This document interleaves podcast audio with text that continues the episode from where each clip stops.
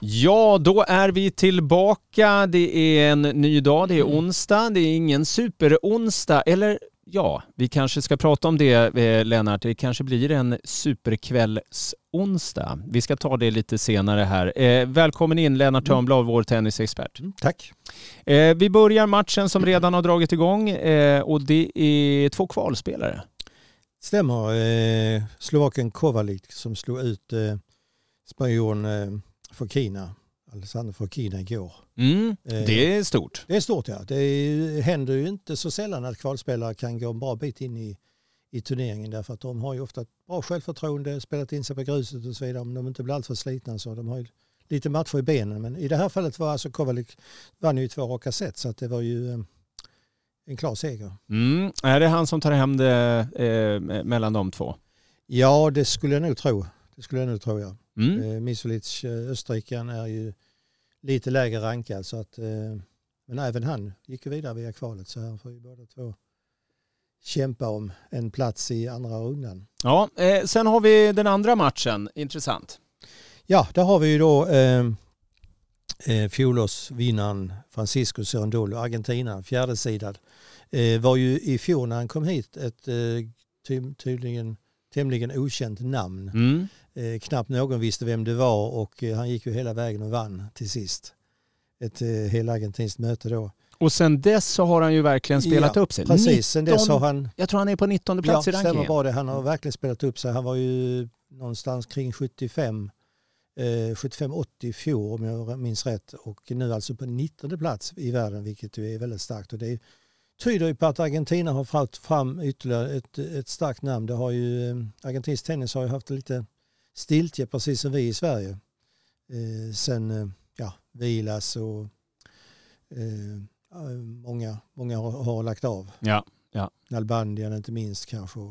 Kommer han, blir det en mumsbit mot Fanache som Eh. spås en enorm framtid? Ja, också en ung kille som eh, Madaras, vår- vårt andra eller tredje hopp om man säger så. Mm. Eh, så att där får han nog en tuff match, Sondolo. Det, det ska bli intressant att se vilka som drar längsta strået där. Men det är också ett framtidsnamn den här fransmannen. Fanache.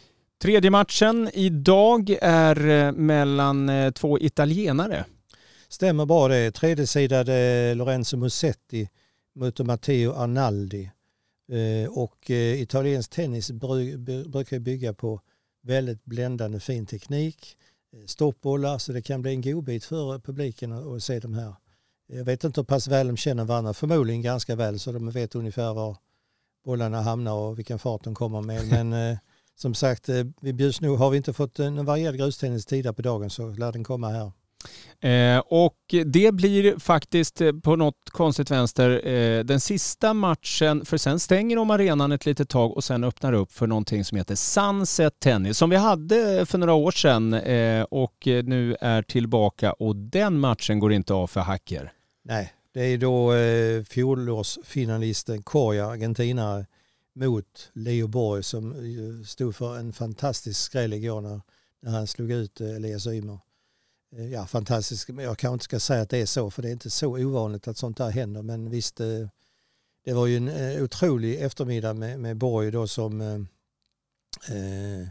i en mycket jämn och välspelad match får vi väl säga i stort sett. Med, och, och fullt på läktarna. Drog det längsta strået i, i två raka set och eh, det är ju en publikmatch för guds nåde. Ja, ja verkligen.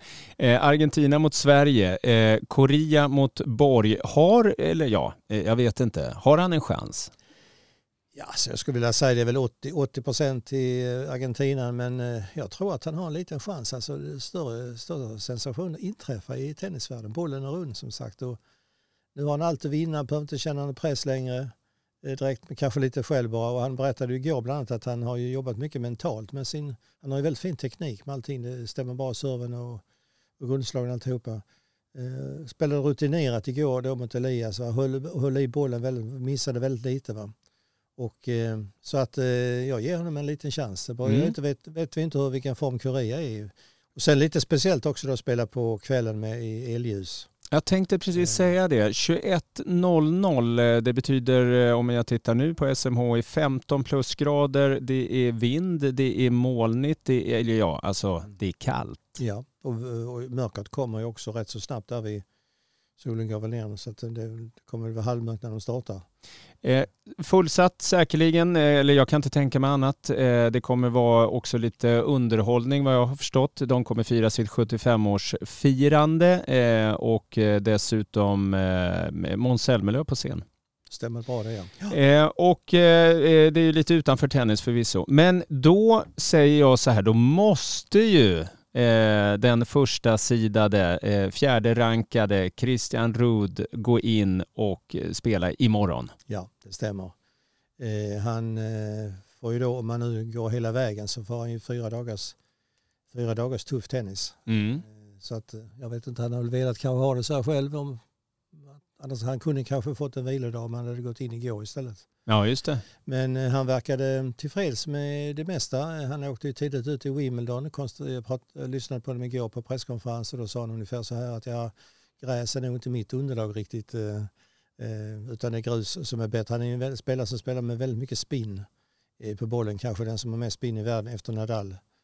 Och eh, han har ju visat här att han kan vinna på, på han vann ju tre turneringar i fjol. Han vann ju här så gick han vidare till Gestad och vann den också ytterligare en turnering. Så att det var en fantastiskt god form och är ju världsfyra så det är ju en verklig sevärd spelare. Ja, verkligen. Så i och med att han går in imorgon så blir det väl en supertorsdag? Ja det kan man säga, absolut. Det vill ju ingen missa. Nej. Även man kommer förmodligen att avancera eh, så man har möjlighet att se om fler dagar. Mm. Men eh, ja, väldigt trevlig ödmjuk kille, precis som hans pappa var på den tiden han var här. Ja, eh, eh, härligt. Det blir eh, som sagt eh, eventuellt en super, eller ja det blir en superonsdag kväll. Eh, nu har ju de använt eh, det här superordet hur mycket som helst, själva arrangörerna, så det är därför jag lägger till det. Lennart Törnblad, jag vet att du är på väg ner till Centercourt. Jag tackar bockar och bugar för att du tog dig tid att komma förbi. Mm, tack.